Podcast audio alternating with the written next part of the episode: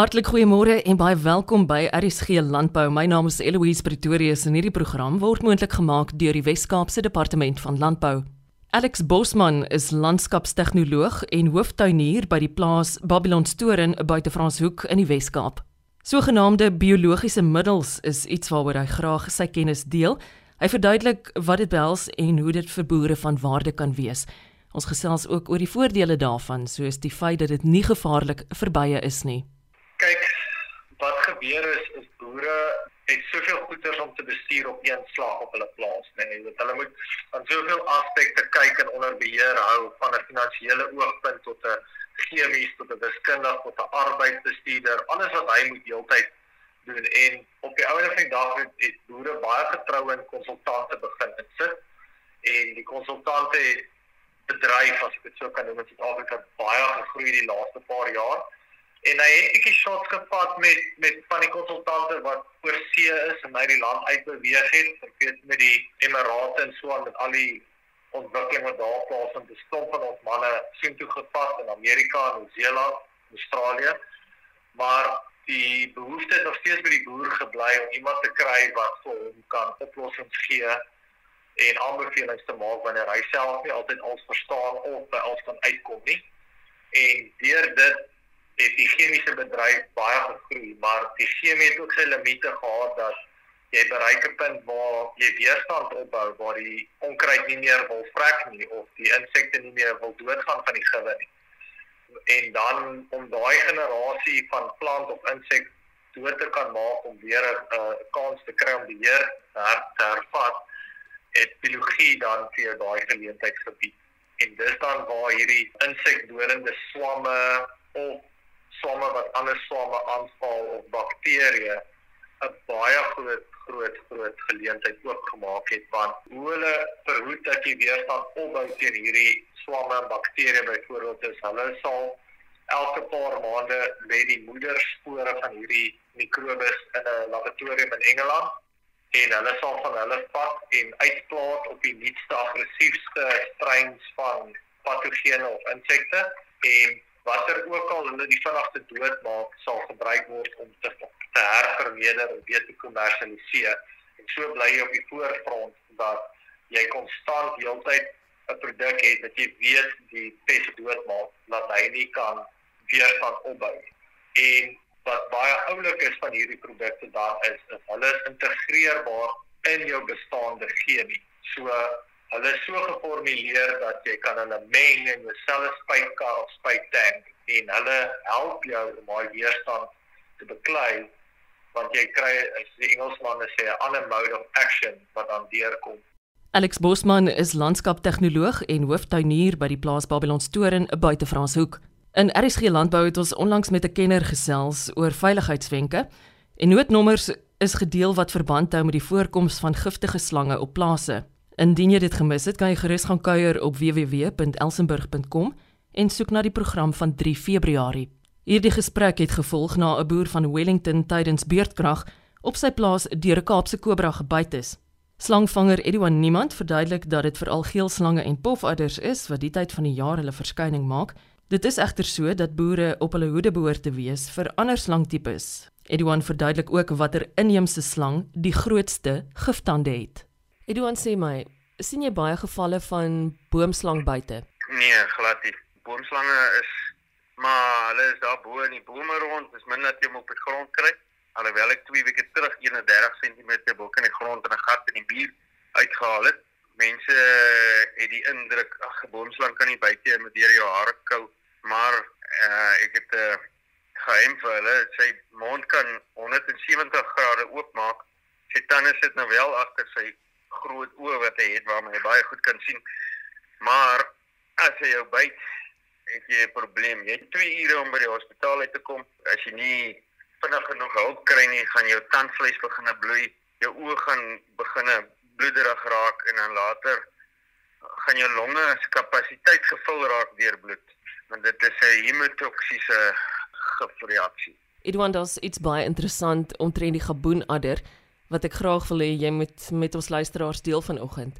In die uh, noordooste van Suid-Afrika en boontoe oor in die buitelande, baie groot tipe adder die mooiste adder en die adder met die grootste giftande, massiewe giftande. Lê tussen blare en jy sien nie vir hom nie. Hy kamufleer vir hom baie mooi.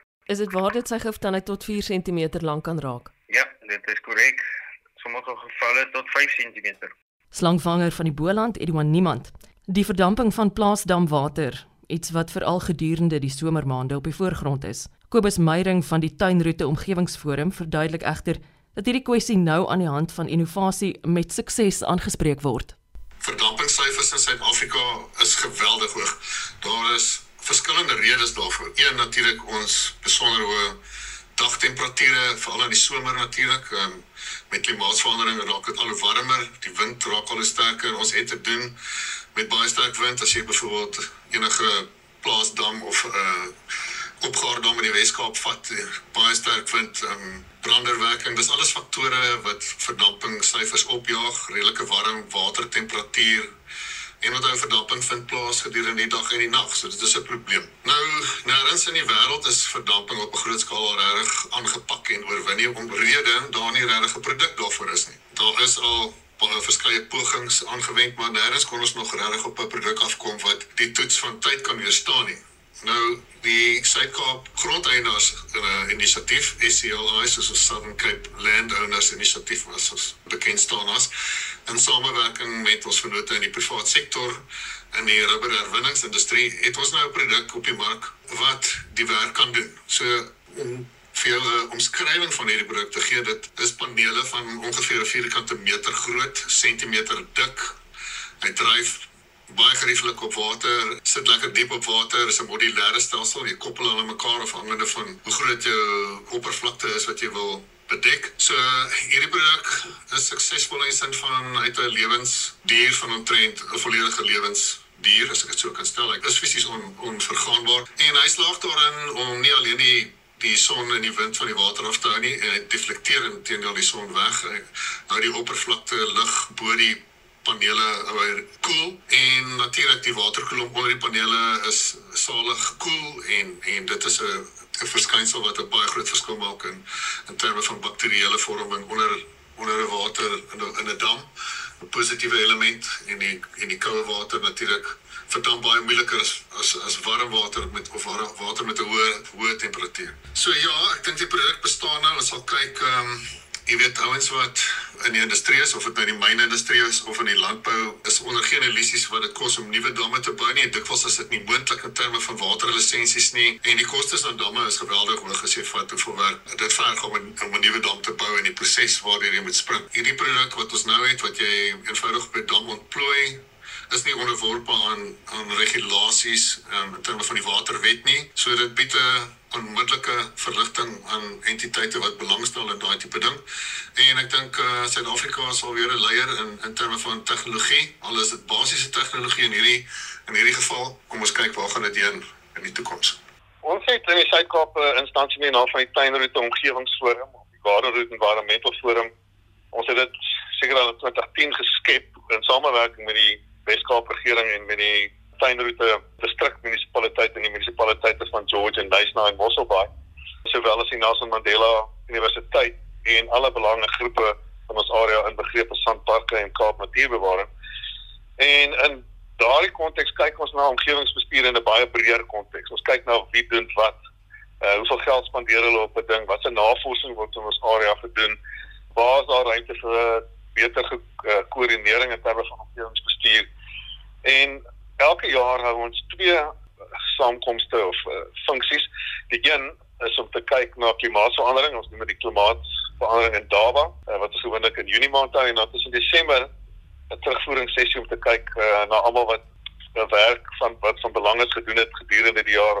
So klimaatsverandering is 'n ding wat baie mense sê, o, oh, hulle hoor daarvan, maar hulle sien dit nie en dit ek dink COVID-19 het die het die hele klimaatsverandering debat op die agtergrond geplaas wat 'n groot probleem is. Ons moet soveel as moontlik van ons hulpbronne in in die rigting instuur om te kyk hoe kan ons die effekte van klimaatsverandering in Suid-Afrika in die beer. Hoe gaan ons daarmee saamlewe in die toekoms dan dit is onverwendbaar. En ons het toe tot die slotsom gekom wat ons nodig het in in Suid-Afrika is 'n virtuele platform ten einde almal 'n kans te gee om hulle sê te sê waar jy vinniger toegang het tot kundiges tot nuutste inligting wat beskikbaar is op 'n virtuele basis. En na raadpleging met die Weskaap regering en met die nasionale departemente van uh omgewingsake en buitelandse sake het ons besluit ons gaan kyk na die ontwikkeling van 'n virtuele platform vir Sub-Sahara Afrika. Nou nie net SADC nie, maar maar maar lande ook buite SADC. Baie van hierdie lande nood van ons het die het die mense wat met klimaatsverandering en rampbestuur te maak het, geen geld om na 'n funksie toe te gaan nie. So hulle enigste bron van inligting is via die internet. So dit is wat ons nou besig is om te ontwikkel in samewerking met ons buurstate en Suid-Afrika se missies in die buiteland wat ons het 'n baie sterk verteenwoordiging in die buiteland.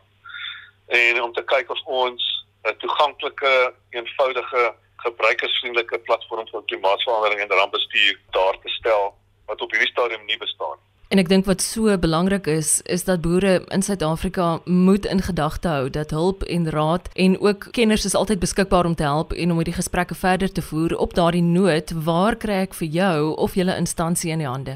As jy met my wil praat, jy baie welkom my direk te kontak by 083 626 7619. Ek gaan net weer vir jou sê 083 626 7619.